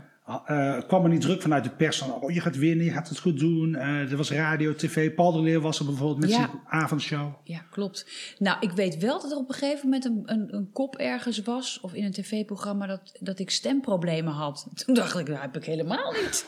Hoe Een ruimte werd gecreëerd. Ja, Ja. het Ja, werd hoe komen ze daar gecreëerd. Ja, het is toch Ja. een beetje een soort Ja. van een ding. Ja, en inmiddels weet ik wel een beetje hoe het werkt bij televisie en eh, dit soort programma's. Maar toen dacht ik, oh wauw, nou, dat is gewoon echt helemaal niet aan de hand. Dus waar dat vandaan komt. Nee, Maar dat vond ik wel een beetje gekkig. wat stom dan dat dat gewoon zo verzonnen wordt. Ja. Om, eh, om daar maar een mooi verhaal van te Iemand, maken. iemand die dat niet verteld heeft, maar die er wel bij was, die wil iets tegen je zeggen. Oh, Zij was de eerste en ook de enige vrouw overigens waar ik ooit mijn auto voor aan de kant heb gezet. Ik hoorde haar zingen op de radio en was meteen verkocht. Zo is ons contact ontstaan. In 1999, toen Marleen naar Jeruzalem mocht, zag ik mijn kans schoon en reisde ook af voor de eerste reeks van Puntje Puntje Calling, in dit geval dus Jeruzalem Calling. Op de avond van het Nederlandse feest voor de pers werd zij door het NOS-journaal geïnterviewd en zag mij weglopen, want we waren uitgenodigd bij Paul de Leeuw, die daar zijn show ook vandaan deed. Marleen stopte het interview en vroeg: Je gaat toch niet weg? Ik ga juist voor jou vanavond zo'n mooi liedje zingen. De keuze was makkelijk. Geen Paul, maar wel Marleen. Gelukkig had ik mijn zonnebril op. Toen ze het zong, hield ik het verre van droog. Lieve Marleen, voor altijd. Ja, dat was Ron Stoeptie. ja, natuurlijk was dat Ron 2. Stoeltie. Ach, Ron. Wat een lief bericht is dit. Ja, ja, Ron. Ik heb al heel lang niet gesproken. Nou, we hebben trouwens toevallig nog eh, een maandje geleden even app-contact gehad. Maar ik heb hem helaas al veel te lang eh, geleden gezien. Dus dat is eh, heel jammer. Maar dat gaan we weer eventjes oppikken. Want het is zo'n lieve schat. En hij had een, een super te gek radioprogramma inderdaad op Radio 2. En... waar ik eh, iedere keer te gast was en eh, leuke interviews mee heb gedaan. En dat verhaal wat hij vertelt, dat hij inderdaad zijn auto aan de kant heeft gezet op het moment dat hij een eh, liedje van mij hoorde. Dat liedje heb ik toen die middag gezongen Ja. voor hem. En eh, om, omdat ik wist natuurlijk dat hij er was, dacht ik van nou moeten we die doen. Ja. En eh, ja, dat, En welk liedje was dat? dat heb ik uiteindelijk ook op mijn album gezet. Ja. Eh, en dat eh, heet, dat heet eh, I've Got a Friend of You've Got a Friend. I got a friend and he's special to me. Die. Het heeft wel heel veel indruk op hem gemaakt. Want Ja, hij was eh, heel vereerd dat hij iets eh, mocht zeggen. Ja, Ja. wat lief. Heel leuk. eh. Ja, en we voegen het nummer die je net aanhaalt ook eventjes toe aan onze playlist op Spotify. Ah, lief. En de link eh, daar naartoe eh, vinden jullie op onze Instagram pagina. En dan toch even terug, want dan wordt het 29 mei, zaterdagochtend. Je staat op. Wat gebeurt er die dag? Heb- Had je überhaupt een beetje geslapen? Of, eh, je nog Nou, jawel, ik had wel eh, goed geslapen, volgens mij. Ehm, ik weet dat we nog eh, eventjes 's morgens bij het zwembad zaten. Eh, want het was prima weer en er had het zwembad bij het hotel. Prima weer af, want ik heb ook gelezen dat het wel eigenlijk iets te warm was. Te warm, ja, het was-. Ja, het was natuurlijk Ja. warm, maar ja, even bij het zwembad zitten was helemaal Daar is prima. niks mis mee. Nee, er is niks Nee. mis Nee. Ik weet nog wel dat toen iemand van de NOS, volgens mij een of andere uh, hooggeplaatste meneer, die zei tegen me, nou ik hoop niet dat je wint, want dat kunnen we niet betalen. Oh, Oh, Toen ik, oh, maar wacht even. positieve noot ja, ook. ja. Ja. precies. Nou, hè, jammer. Ehm, en op een gegeven moment, ja, dan moeten de krulspelden ingezet worden. En dan, eh, Dan begint het dan allemaal. begint het feest. Ja. Want het is natuurlijk echt, ja, je bent al heel lang van tevoren daar natuurlijk mee bezig. Ja. Dus, eh, ja, en was er ook nog een repetitie voor de uiteindelijke show, die middag? Nou, volgens mij wel, maar dat weet ik, Ja. weet ik eigenlijk niet. Is dat zo? Dat weten jullie waarschijnlijk Ja, beter dan ik. volgens mij Tegenwoordig Ja. wel. Dan heb In je ook altijd 2000 nog- eh, was ik er zelf voor het eerst bij. En dat Ja. was de eerste show die ik ooit eh, heb gezien. Dat was de zaterdagmiddagshow. En daar was hij wel, ja. Dus ik vermoed dat het in 99 ook geweest is. Maar ehm, ja, de- spanning, viel dat mee? Of? Ja, dat viel wel mee. Want het- ik, weten jullie nog wanneer, als hoeveelste ik eh op... Elfde volgens Elfde. mij. Elfde, ja. Ja, dus dan moet je best wel lang wachten voordat je aan de beurt bent. En eh, het is een beetje in het midden dus inderdaad. En daarna moet je dus heel lang wachten voordat je überhaupt dan, dan de puntentelling krijgt. ja. Ehm, ja, die spanning was er natuurlijk wel, laten we eerlijk zijn. Het is, eh, maar ook een soort excitement van, nou eindelijk mogen we, weet je wel. Het Dat mag, gevoel. het mag ja, gaan het gebeuren. mag nou eindelijk gaan gebeuren. En die drie minuten zijn dan ook zo voorbij, hè? Gaat echt gewoon... Het is eh, echt gek hoor. En dan denk je, nou, dat was het dan. Dat, dat- Ja, en dan gaat het podium af. That's it. Ja. En dan ga je het podium af. En dan denk je, ja, nou, kan er niks meer aan doen. Nee, Maar nee. voor het podium opging, volgens mij is er ook nog iets gewijzigd aan je kleding. Op Ja. het laatste moment. Klopt dat? Dat iets met de mouwen van de jurk was? Of iets dat je daar nog iets... Ja, maar dat, dat was niet eh, vlak voordat ik opging. Dat was al, al Dat was eerder eerder in de week, ja. Oh. Ja. Dat was, maar wat wel gebeurde vlak voordat ik opging, was dat ik me realiseerde dat ik mijn in-ears vergeten was. Oh. En toen moest er dus iemand nog terugrollen naar de kleedkamer door alle beveiliging heen. Dus je stond mijn- al klaar achter Ja. de schermen. Ja, dat was een paar minuten voor Oh, aanvang. ja. Want die in-ears heb je natuurlijk eh, nodig Ja, om, eh, want anders ben je echt gewoon, echt, echt de sjaak. om goed Dus het toen geluid te het kunnen horen. Ja. Nou, het leidde in ieder geval wel af van eh, iets anders wat spanning geeft. Ja, ja. En, en, en hoe kort van tevoren kreeg je die in-ears dan? Stond Nou, je dat echt was al voor- vrij krap. Je stond echt al te trappelen. Ja, zo oh, wat ongeveer. spannend is dat dan. Ja. ja, want je wordt ook heel erg op tijd gehaald. Heel erg op tijd moet je klaarstaan. Dus ze willen natuurlijk inderdaad niets aan het toeval overlaten. Ja. Eh, maar op een of andere manier, nou ja, ik weet niet meer. Toen was je dat uit de spanning, was je het vergeten mee te nemen. Ja, blijkbaar, ja. Ja. Maar ik had ze op tijd hoor. Oh, ja. oh, wat een opluchting moet dat zijn ja, geweest ja, dan. zeker wel. Ja. Dat er dan vervolgens wel iemand ging ze halen voor je. Of, Ja, eh, ja, iemand ging ze halen. Dan heb je een, eh, inderdaad een perfect optreden gehad. Hè? Dan ben je klaar. Wat het eerste wat je doet. Ja, volgens mij zijn we elkaar wel in de armen gevlogen. En een soort van zo'n, eh, woe, weet je wel. Dat te Ja. gek, we hebben het gewoon goed gedaan. En we hebben het gecheft. En Ja. ja, ja een Perfecte lekker uitvoering. Perfect, ja, het ging ook hartstikke goed. Ehm, en als ik het nu terugluister, hoor ik wel wat spanning in mijn stem aan de, in de eerste zin, geloof ik. Maar dat was natuurlijk ook de zin dat ik dacht: hé, hey, hij staat ergens Ja, anders. ja, die met de camera. Ja. Dus, ehm, eh, maar ja, goed, ja, dat is ook natuurlijk logisch. Dus eh, ja, en ik was heel blij met hoe het was gegaan. En eh, ik dacht, nou, nu kan ik dus wel eventjes me laten gaan en een lekker, eh, lekker bubbeltje of een lekker wijntje drinken. in de green room, maar dat was daar helemaal niet. Oh, dat was alleen, niet. Nee, het was alleen cola. Echt, echt alleen cola. Ik vond het zo'n desillusie. Het was Ja. zo, zo'n afknapper, Ja, vond dat ik is dat. ieder jaar anders. Hè? De ene jaar zit iedereen aan de Ja, want heel en vaak zie je gewoon, eh, eh, Nou, moet dat beeld vol. had ik Ja. er natuurlijk Ja. ook van. Ik denk, nou, maar nu gaan we... En Ja, nu mag ontlading het, nu en nu kan ontlading het. en ik hoef niks meer te doen. Ja. En ehm, je natuurlijk niet helemaal dat er zat. eh, Stel Stel dat je, wint. Ja, Ja. dan moet je dus. Ja. Maar eh, nou ja, goed. Nee, maar dat was, dat was even een tegenvalletje. Want we zagen ook nog in de regionale pers, hebben we ook teruggevonden, dat je op een stoel ligt, op twee stoelen, een beetje uitgeput. Was ja, maar dat was direct- helemaal geanceneerd hoor. Oké, want het Ja. was echt zo, stond echt zo bij van, Marleen heeft het helemaal gehad en eh, het is eh, blij dat het voorbij is. Nou, dat En- zal me dus ja. nu ook niet meer gebeuren. Maar die fotograaf die zei... eh, die zei dus inderdaad... eh, oh, kan je eventjes zo gaan zitten en dan Ja, met ja. je hoofd zo tegen de muur leunen? Nou, dat kon ik wel. En dan komt er zo'n kop. Maar dat, dus weet je, dat zal me nu ook niet meer gebeuren. Er wordt er Ik zo'n uitleg bij, ja, dat- bij ik heb het gegeven. helemaal geregisseerd. Ja, nou ja, goed. Maar ja, dan de puntentelling. Ja, ging je die dan eh, redelijk ontspannen in? Want je had een, natuurlijk een goed optreden gegeven. Dacht je van, nou, eh, had je daar dan op dat moment wel bepaalde verwachtingen van? Dat je dacht van, nou, dat wordt wel top 10. Of dat wordt wel top 5. Of dat wordt in ieder geval goede punten. Of... Nou, ik weet niet of ik er nou echt verwachtingen van had, maar op een gegeven moment heb je natuurlijk wel door dat de winst er niet meer in zit. Hè? Nee. Want het, eh, Het beg- Het begon best goed het begon, begon Ja. vrij aardig. 12 punten van België, wat je net al zelf Ja, zei. Ja. ja, ja. Ja, en die- gaven als tweede punten. Dat was tweede Ja. startvolgorde, Ja, zeg dus maar. dan denk je, oké, Dus dan denk je, dit eh, super. te ga maar door op deze Ja, manier. ja, ja, Acht door het Verenigd Koninkrijk. En dan kwamen er nog wel punten, maar, geen Maar het 12 was en meer 10. nee, precies. En dan, dan wordt het natuurlijk al snel duidelijk dat eh, Zweden heel goed gaat. En eh, ja, dat vond ik natuurlijk wel echt oprecht heel jammer. Want eh, ik had gewoon, ja, nogmaals, heel graag willen winnen. Want ja, daarvoor ben je daar. Daarvoor Ja. is de wedstrijd. Ja, daarvoor is de wedstrijd.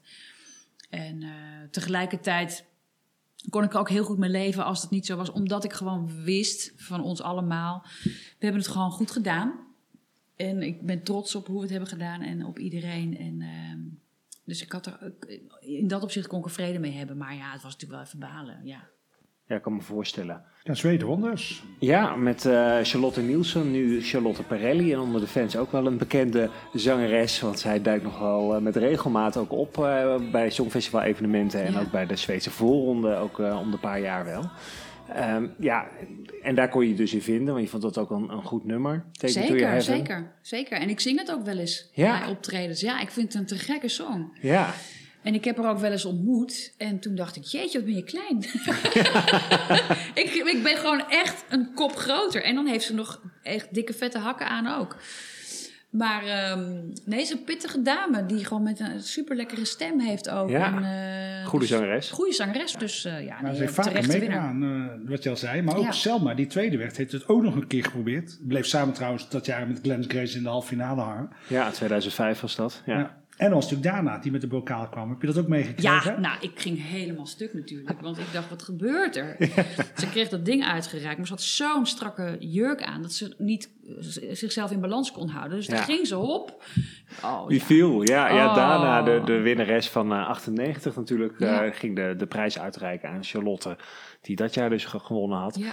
En die, eh, ja, die, die, die knalde op het podium. Ja. want iedereen moest naar het podium op, hè? want jullie moesten nog een eh, liedje zingen. Halleluja Ja, werd nog gezongen. ja, ja. Maar we zien iedereen bijna in beeld, behalve Marleen op het einde. Ja, ik stond, ik, volgens mij stond ik helemaal aan de zijkant. Ja. Ja. Maar ja, weet je, ik dacht toen al wel, ja, ja, laat maar zitten.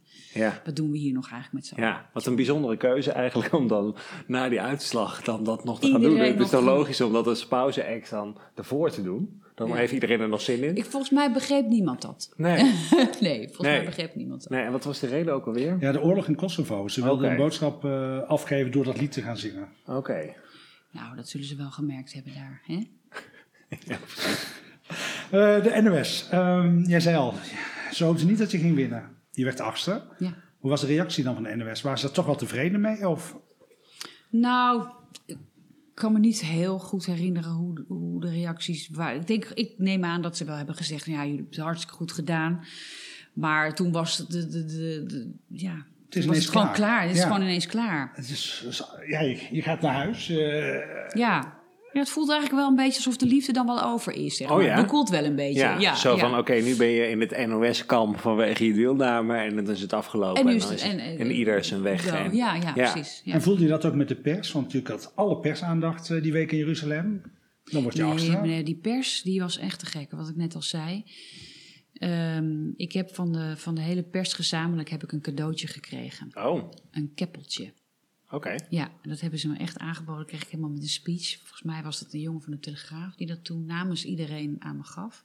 Nou, dat vond ik zo te gek. Dat heb ik nog steeds. Ja, dat Ja. maakt indruk. Ja. Ja, ja dat heeft echt indruk gemaakt. Bijzonder ja, dat ze dat dan Ja. gezamenlijk Ja, maar het- vanuit het- alle het- verschillende eh, partijen dat zo aan je aanbieden Ja, dan. ja, het verliep ook heel soepel en het was gewoon heel fijn. Want dan, eh, ja, hoe, hoe, was, hoe was het s s'avonds dan, de afterparty? Was dat, eh, was dat er überhaupt? Ja, dat was er. Ja, Eh, ja want mijn broertje heb ik over laten komen en mijn ouders heb ik over laten komen. Dus die waren er gelukkig. En toen hebben we natuurlijk wel even samen. En toen was er wel champagne. toen was er wel champagne. Toen konden we wel even ja. vieren, ja, zeker. Ja. Ja. En dan ga je terug naar Nederland. Eh, hoe ging dat? Eh, Stonden de mensen hier op te wachten? Of- Nee, want ik kwam eh, volgens mij midden in de nacht aan. Oh. Volgens mij echt iets van half twee s'nachts of zo. Oh, Dus, lekkere, eh, lekkere tijd. Ja. Ja. nee, dus er stonden geen hordes. hordes met dus drie verdwaalde songfestivalfans met een spandoekje, geloof ik. En, nee, het was Oh, super ja. maar nee, dat was niet, eh, nee, dat was niet het moment om, eh, om eh, zo ontvangen te worden op Schiphol. Zeker niet. Maar ja, datzelfde jaar ga je toch door met je carrière. En je zei net al, ik zing liever in het Engels. Maar dan kwam een Nederlandstalig liedje uit. Samen met, Gordon. ja. Hoe kwam dat op je pad? Nou ja, die belde mij natuurlijk op van, eh, vind je helemaal te gek en wat was het leuk en eh, super. En ik heb een heel mooi eh, nummer hier, wat, wat een prachtig duet is. Zou je dat met mij willen zingen? Ja. En als Gordon dat aan je vraagt en het is zo'n prachtig nummer, dan zeg je gewoon ja natuurlijk. Eh, dus dat was al snel beklonken. Dat hebben we opgenomen en uitgebracht. Een hele leuke clip gemaakt in Zuid-Afrika. En toen daarna nog een paar eh, dingen met hem eh, samen gedaan. Dus eh, dat was wel een hele leuke tijd met hem. Ja, en wat bijzonder ook, eh, een start van je, van je solo-carrière, zeg maar. Ja, zeker. Als artiest, meteen op Ja. dat Songfestival en eh, bam, wat een lancering is dat dan natuurlijk. Ja, ja, precies. En Nou, ook dat tuurlijk. mensen als Gordon dan inderdaad ja, weten te vinden. Ja, Om, dat was heel leuk. En we konden het heel goed met elkaar vinden. En onze stemmen pasten ook echt perfect bij elkaar. En ook dat nummer eh, voegen we weer toe aan de playlist. Leuk. Een hele volle playlist. Precies. Eh, en vervolgens mag je het eh, jaar erop, in 2000, eh, mag je de puntentelling eh, doen voor Nederland. Was natuurlijk wel een, een, een, een- lastig moment, kan ik me Ja. voorstellen. Want jij zit daar helemaal natuurlijk, je leeft daar, begrijp Naartoe, ik, ook ja. wel naartoe. Dat je Ja. denkt van, oh wat leuk, ik mag die punten geven. En dan is er 's middags natuurlijk een, een enorme ramp in Enschede met eh, ja, de vuurwerkramp. Ja, En vervolgens mocht jij de punten geven. Dat waren niet de punten van, eh, van het publiek. van nee. de telefoon. Nee, Omdat dat waren echte jurypunten. Ja. En dat was eigenlijk voor het eerst sinds tijden dat dat, eh, Op die manier, dat eh, het op die manier ging. En daar was die jury natuurlijk ook voor. Echt als backup voor als het eh, Ja. mocht er iets gebeuren. Nou, Zat jij zelf trouwens ook in de jury? Ja. Oké. ja. En dat heb ik ook nog een jaar later, geloof ik, ook nog een keer gedaan. Jij hebt het nog twee ja, keer ik heb gedaan. het nog twee keer gedaan, geloof Je ik. hebt Ja. nog twee keer gedaan, want eh, jij bent namelijk de, eh, de spokesperson die namens Nederland sinds de invoering van, van de video eh, eh, puntentelling, zeg maar, ben jij degene die dat het meest heeft gedaan. Namelijk in 2000, 2001 en 2003. Ja. Ja, ja, dat dus je- klopt, ja. Dus je hebt hem ook nog gedaan in 2001 Ja. toen Michelle eh, namens Nederland meedeed. En 2003 toen, eh toen Esther Hart Ja, met One More Night ja meedeed. precies. Ja. Ja, ja, dat is heel bijzonder natuurlijk om te doen. Echt eh, een heel bijzonder moment. En zeker wat je net al zei, dat jaar 2000. Dat is natuurlijk helemaal... Het was ook mijn eerste keer, notabene. En er waren mensen in de zaal die natuurlijk nog helemaal niet mee hadden gekregen. Jij. Ik zat in de zaal Ja. Jij kreeg waarschijnlijk daar, nog ja. helemaal niet mee dat, nee, dat er er was iets nog geen was. tijd van mobiele telefoontjes. Nee, precies. en wij hadden wel gehoord dat Prins Bernhard lag slecht op dat moment. Eh denk ja, maar dat is geen nationale ramp. Wat is er dan wel gebeurd? Ja. Ja. Dus wij waren in één keer van dat Songfestival in de zaal. hoe, hoe, jubel, Van, jubel. je kreeg weinig mee en ineens komt Marleen in beeld en die zegt dat er een ramp is gebeurd. Ja, dus ja, je bent eigenlijk niet meer met de Wow. Songfestival bezig op dat moment. Nee, ik kan me voorstellen Ja. dat dat inderdaad heel eh, erg schrikken was voor, voor iedereen daar. Maar ja, goed, ik moest toch in het heel kort uitleggen Ja. waarom de Nederlandse dat eh, ik. heb, je- heb mensen je geen... ook netjes gedaan. En de reden, eh, dat is misschien goed om, om nog even toe te lichten, eh, waarom die jurypunten eh, werden eh, gebruikt, was omdat het halverwege ook de uitzending eh, uit de lucht werd geha- afgebroken, ja. gehaald. Dus mensen Ja. konden natuurlijk niet eh, stemmen, want ze hadden de helft van de nummers niet gehoord. Nee. En het, ja, ze wisten ook niet hoe ze moesten stemmen. Nee, Eh, nee, dus dat was ook de reden. Dus daarom kwamen die, eh, die vakjurypunten. maar ik Dat- kan me wel voorstellen dat voor jouw beleving op dat moment natuurlijk wel een flinke domper... eh, Ja, dat was natuurlijk helemaal omgeslagen, ook bij ons in die Ja, zaal. snap en, ik. Ja, je die- moet dan ook nog liedjes beoordelen, terwijl je misschien ook wel met je hoofd bij die ramp 100 zit. procent, 100 procent. Ja. En ik weet nog dat ik dacht, ik zag Linda toen en toen dacht ik, zij heeft geen idee Nee, dat die nee, vuurwerkramp... Ze wist dat ook niet. Nee. Nee, en dat was maar goed ook natuurlijk. Maar ehm, ja, dat is zo'n gekke tegenstelling. Hè? Dan sta je daar vol passie te zingen en helemaal de show te doen. Terwijl iedereen een- in een Nederland echt denkt, wat Ja. gebeurt hier? Ja, op dat moment was ook nog niet echt duidelijk wat er gebeurd was. Ja, wel wat er gebeurd, maar de impact was nog niet helemaal Nee, duidelijk. precies. Dat werd Ja. natuurlijk met het uur duidelijker. Dat was eh, drama, ja. Ja, en dat, dat zal dan denk ik ook de reden zijn geweest dat ze in 2001 zeiden van, we willen jou weer. Ja, misschien, dat weet ik niet. Ja. Dat hebben ze toen niet erbij gezet. Nee, dat is niet waar. Ik kan me niet herinneren althans, nee. Nee. Ja, in 2001 is ook het jaar dat je solo-cd eh, verschijnt, Meant Ja. to Be. Meant to be. Heeft best wel ja, twee jaar geduurd. Ja, dat was natuurlijk heel jammer, want het had natuurlijk eigenlijk al klaar moeten zijn eh, op het moment dat je mee gaat doen aan het Songfestival. Ja. Dat zijn allemaal weer leermomenten. eh, Voor volgend leven. Voor volgend leven. Ja, dat was allemaal een beetje onhandig bedacht. Maar eh, wat, wat wel heel leuk was aan die tijd, is dat ik door de platenmaatschappij echt eh, bijvoorbeeld naar Engeland ben gestuurd om daar te gaan schrijven met mensen. En dat eh, vond ik natuurlijk wel te gek. Dat heb ik wel gedaan. Maar da- daardoor heeft het ook wel veel te lang geduurd voordat er een album was. Dat was Ja, het album jammer. kreeg wel goede recensies. Ja. ook wel eh, veel radio-aandacht gehad eh, destijds. Ja. Volgens mij CD van de Week nog geweest op wat eh, Radio 2 volgens mij nog. Ja, dat zou kunnen, ja. Ja. ja. Maar echt hele grote hits kwamen er niet, Nee. niet vanaf. Nee, nee, nee. En dat is natuurlijk heel jammer. Want dat, op het moment dat, je, dat dat dus niet gebeurt...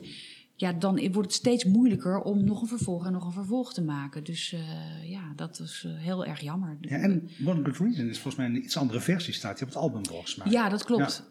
De nieuwe, of sinds een, nou sinds vorig jaar mei volgens mij, staat de originele versie nu ook eindelijk op Spotify. Dus eh, die is dan nu eindelijk daar te horen. Ja. Ja, en wat was de reden om hem dan opnieuw op te nemen? Want je had ook de originele versie op het album kunnen zetten Nee, natuurlijk. dat kon niet, omdat eh, er was op dat moment een geschil tussen de platenmaatschappij en eh, de songwriters. Oké. Dus Cheert en Ellen. En die hebben gezegd, ja, we willen niet dat je dat nummer op je plaat zet. Hm. Ehm, het is ook op geen enkele verzamel-cd te vinden, of wat dan ook, waar dan ook. En dat wilden zij niet. Dus eh, ja, en ik was niet de eigenaar van het nummer en, en van de band. Dus ja, dan houdt het op. En dan moet je het dus op een andere manier doen. Ja. Dus vandaar dat we een, eh, eh, een, nieuwe een, opname. een nieuwe opname, een soort Ja. akoestische versie hebben gemaakt. Ja. Ja. Oh, is dat de reden? Ja, want Ja. ik weet ook, dat schiet me nou even te binnen. Er is toen ook een album eh, in 99 uitgebracht met, eh, met alle nummers van, eh, van het Songfestival. Eh, althans, niet alle nummers, eh, want er ontbraken Ja, er volgens mij drie. ja. En Nederland ontbrak ook. Was dat ook diezelfde reden dat ze dan hebben gezegd van nou, ik wil niet dat je het gebruikt, omdat dat dan weer een andere maatschappij is of, eh of Ja. iets dergelijks? Oh, Oké. Nou, dan hebben we dat, eh, hebben Ja. we dat ook na 24 jaar Ja, duidelijk onthuld, ja, wat de ja. reden is. Ja. Ja. het is heel jammer, want het heeft hun ook denk ik heel veel geld gescheeld. Want eh, ja, het is op geen enkele verzamel verder te vinden. Dus het is echt heel erg zonde geweest. Ja, maar jammer dan. En vervolgens ja. eh, zien we je in 2003 in de rol van presentatrice. En Ja. dat, eh, en, en nog steeds natuurlijk. Ja, Maar eh, toen kwam je in het team bij Hart van Nederland, bij SBS 6. ja het kan raar lopen, want ehm, van het moment waar ik jullie net over vertelde... dat ik dus echt toch wel een soort van cameravrees had... Vond dat ik het gewoon heel spannend vond om in de camera te kijken... heb ik natuurlijk nu een vak waar ik eigenlijk precies dat doe... eh, zonder vrees. Dus ik heb er gelukkig overheen kunnen zetten. Wel bijzonder, want dat is wel iets totaal anders dan. Dat je het eerst heel spannend vindt en vervolgens wordt het je beroep ook. Ja, naast, had ik eh, nooit, maar dan ook echt nooit kunnen denken. Maar ben je daarvoor gevraagd of ben je presentatietrainingen gaan volgen? Of Nou, hoe is dat ik- gelopen? Ik heb ehm, via Manuela Kemp, ik was toen regelmatig gast bij Vrienden van Amstel Live. En toen leerde ik Maan kennen. En Maan die zei, volgens mij moet je ook even iets voor tv gaan proberen. Dus die heeft op een gegeven moment mij in contact gebracht met een tv-productiemaatschappij. Die hebben mij toen uitgenodigd voor een aantal screentests. En daar heb ik wel een programmaatje mee gemaakt.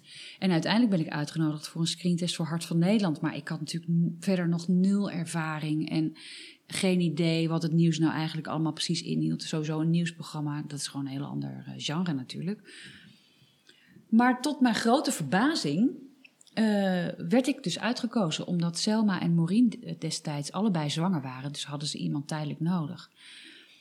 Maar eigenlijk al na een maand of drie eh, zeiden ze van nou, we willen je heel graag houden. Dus eh, als jij dat ook wil. Toen dacht ik, ja, tuurlijk. Ja. Waarom niet? Ja, dat leuk. is toch te- super Ja. te gek. En dit jaar eh, ja. 20 jaar eh, jubileum. Wordt dat nog groots gevierd bij Hart van Nederland? Of, eh? Eh, nou, ik ga ze daar maar zoetjes aan eens eventjes van op de hoogte stellen. Want ik weet niet of ze dat weten. Maar eh, ik denk dat ik daar zelf wel even aandacht aan ga besteden. Ja. Ja. want je hebt meer gepresenteerd. Hè? De Radio M Utrecht hebben je gehoord. Ja. eh, wat SBS-programma's inderdaad, ook Ja. andere programma's. Ja, heel leuk. Ja.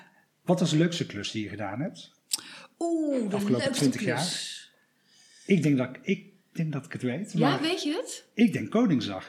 Oh ja, dat was wel heel leuk met Luc Ja, samen. Luc. Ja. Ja. nou dat was zeker leuk. Ja. Dat idee zou ik hebben als je voor de koning dat mag presenteren, voor de Mhm. koninklijke familie. En, en wanneer was dat? Welk jaar? Ja, goede vraag. Ik weet nog wel wat het was. Dat jaartal. Ehm, Ik denk 18 of 19, denk ik. Oké. ja, Ik, ik gooi er even een vraag in. Ja, ik, 18 of 19, klopt. Dat was natuurlijk voor corona sowieso. Ja.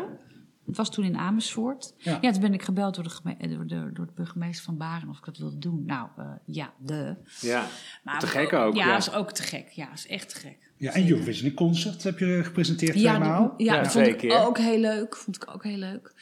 Eh, en qua tv-programma's, ja, ehm, The Biggest Loser, eh, Afvallers XL, nou, dat vond ik. En eh, ehm, eh, VT Wonen, Do It Yourself, vond ik ook heel tof. Ehm, eh, ja, woonprogramma's, huis, die woonprogramma's, ja. Ja. Ik vond het eigenlijk allemaal leuk. Ik vond Ja. het allemaal leuk. Behalve een, muziekprogramma. Dat hebben we nog niet gezien. Nee, nee, nee, dat heb ik altijd op mijn lijstje gehad, maar eh, het heeft helaas past niet meer bij de NPO misschien? Of... Nou, ik heb wel eens een keer een format aangeleverd... wat achteraf gezien eigenlijk een kopie was van eh, Beste Zangers. Dat bestond toen nog niet. Maar ik weet nog dat ik als voorbeeld in dat format had geschreven... het lijkt me zo leuk als Gordon dan een nummer van Anouk zingt... en Anouk dan een nummer van Gordon Oh zingt. ja. En eh, ik weet nog dat toen zei... ja, ik- we weten het niet of dat nou zo'n sterk eh, format is... en muziekprogramma's is toch altijd moeilijk. En nou ja, oké.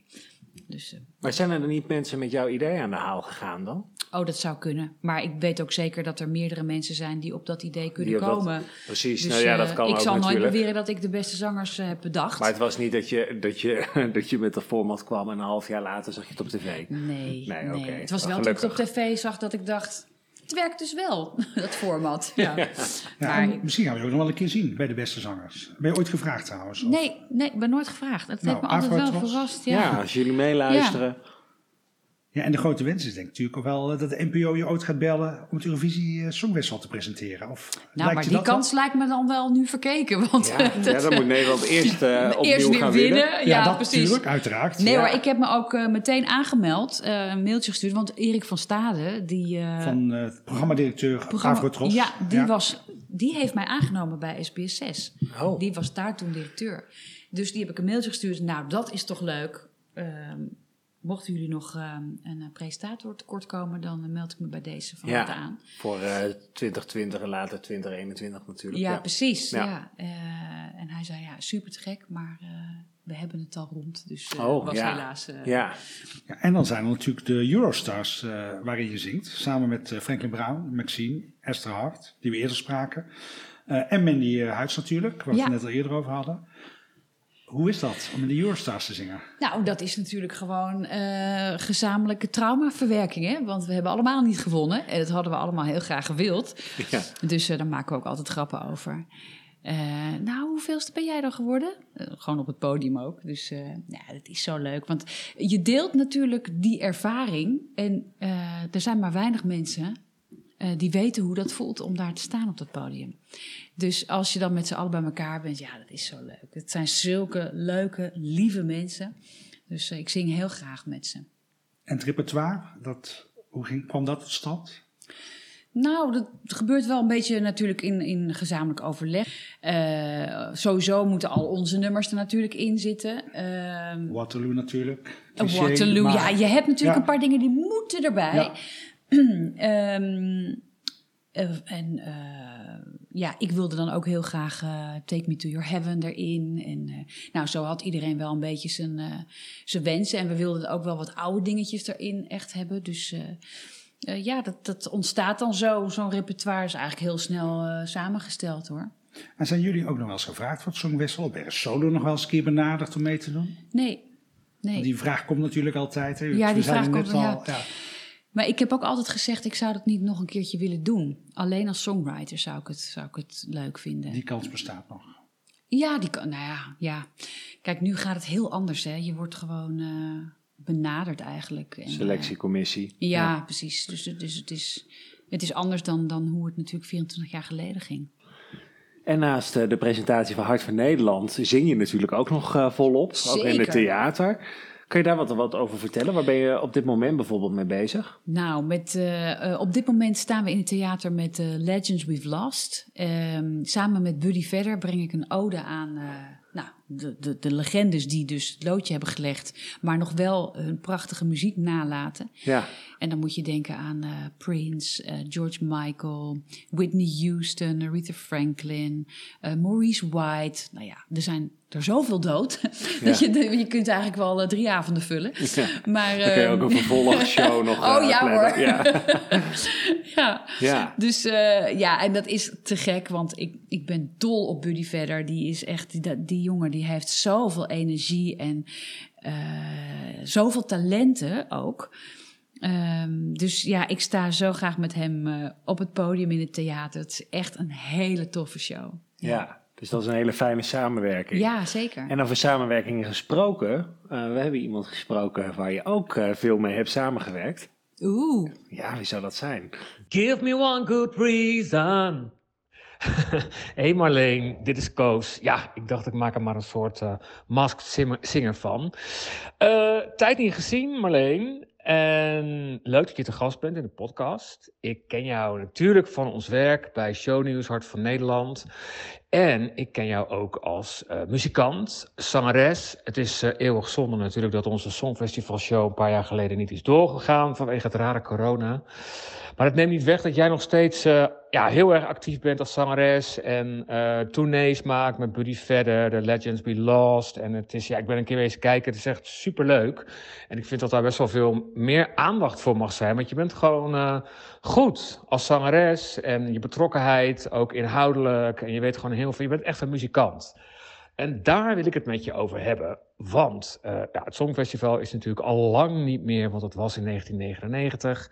Het orkest is weg en sinds een paar jaar ehm, ja, hoeven er ook geen backing vocals meer live aanwezig te zijn bij het Songfestival. Die mogen dat allemaal van tevoren al inzingen op tape. Ik vind het heel erg jammer. Ik vind eh, op een of andere manier horen achtergrondzangers en zangeressen bij het Songfestival. Ik vond het eigenlijk al heel erg gek dat ze vaak in het donker achter het podium stonden mee te zingen. Vaak ook gewoon de hele liedpartij meezongen om maar eh, de zanger, zanger of zangeres te kunnen ondersteunen. Ehm, maar ik ben benieuwd wat jij vindt van deze ontwikkeling. Dus dat alles op tape eh, mee mag en dat de zanger of zangeres alleen maar zijn partij eh, hoeft te zingen live op het podium. Ik vind het jammer. Het lijkt wel of het steeds meer alleen om eh, video gaat bij het Songfestival. Wat mij betreft mag ook het orkest weer terug. Ik denk dat ik jouw mening al weet over de backings. En misschien is het ook wel leuk om even uit te leggen ja, wat het belang eigenlijk is van een goede achtergrondzangeres of zanger. En hoe die ook live het een en ander nog zou kunnen toevoegen in plaats van dat plastic op tape. Dit was hem. Eh, veel plezier nog in de podcast en tot snel weer. Doei. Dat was eh Koos van Plaatwingen. Ja, collega. natuurlijk was dat Koos. Jeetje. Wat leuk, wat een eh, lief berichtje weer. Ja, ehm, wat vind ik daarvan? Ik vind daar inderdaad wel wat van. Het gaat steeds minder om het liedje en steeds meer om eh, het visuele, de act. Eh, hoe ziet iemand eruit? Hoe is iemand gekleed? Eh, wat straalt hij uit? Ehm, wat ik tegelijkertijd ook wel vind, is dat het ook steeds meer gaat om een boodschap. Eh, en die boodschap wordt natuurlijk ook vaak ondersteund door het visuele gedeelte. En dat vind ik eigenlijk ook best wel een heel mooi aspect daaraan. Maar het is zo jammer dat het dan niet beide kan. Dat het dan niet en eh, met, met live backings kan en eh, live orkest en dat visuele om die boodschap kracht bij te zetten. En dat zou natuurlijk de ultieme combinatie zijn. Eh, dus ik, ik, ben er, ik, ik ben er niet zo op tegen zoals Coaster op tegen is dat het weg is. Maar ik vind het inderdaad wel echt heel jammer. Want het is gewoon een vak, hè? Backing vocalisten die, eh, ja, die ondersteunen echt een artiest. En die, die kunnen met hun eigen sound gewoon iets heel moois neerzetten. Als ze goed zijn natuurlijk. Ja. Ja, dus dat is een, een duidelijke verandering eh, ten opzichte van toen jij meedeed. Ja. Sinds 2021 is dat, eh, dat eh, de backings niet meer live eh, hoeven eh, op te treden. Wel mogen trouwens. Wel mogen, Ja. dat, eh, dat mag nog steeds inderdaad. Eh, maar kijk jij het Songfestival nog getrouw? Ja, ik kijk het wel. Ik kijk, niet, ik kijk sowieso kijk ik, eh, de hele uitzending waar eh, Nederland eh, in zit. Als ik niet hoef te werken, want anders gaat het natuurlijk niet. Ehm, de andere halve finale laat ik nog wel eens aan me voorbij gaan. Maar ehm, ik ben nu veel meer dan vroeger. eh, kijk ik alle liedjes al van tevoren. Vaak eh, eh, word ik ook gevraagd voor een programma. Dan moet ik het ook allemaal echt ja, gehoord hebben. En daar moet ik ook wat van vinden. En dat vind Ja. ik hartstikke leuk. Dan vragen ze aan jou eh, wat je van de nummers vindt. Ja, ja. Eh, dus ik ben er al dan wel iets meer bij betrokken dan vroeger. en eh, ja, als Nederland ook in die finale staat, kijk ik het natuurlijk sowieso. Ja. Want heb je ook favorieten van de afgelopen jaren? Zo Nederlandse, maar ook buitenlandse nummers. Dat je zegt, nou, dat is voor mij wel het nummer van de laatste jaren. Ja, Loreen, maar dat is ook alweer een tijd geleden natuurlijk. Maar die vind, oh, die vind ik wel echt, echt met kop en schouders boven alles uitstaan hoor. Euphoria Euphoria. 2012.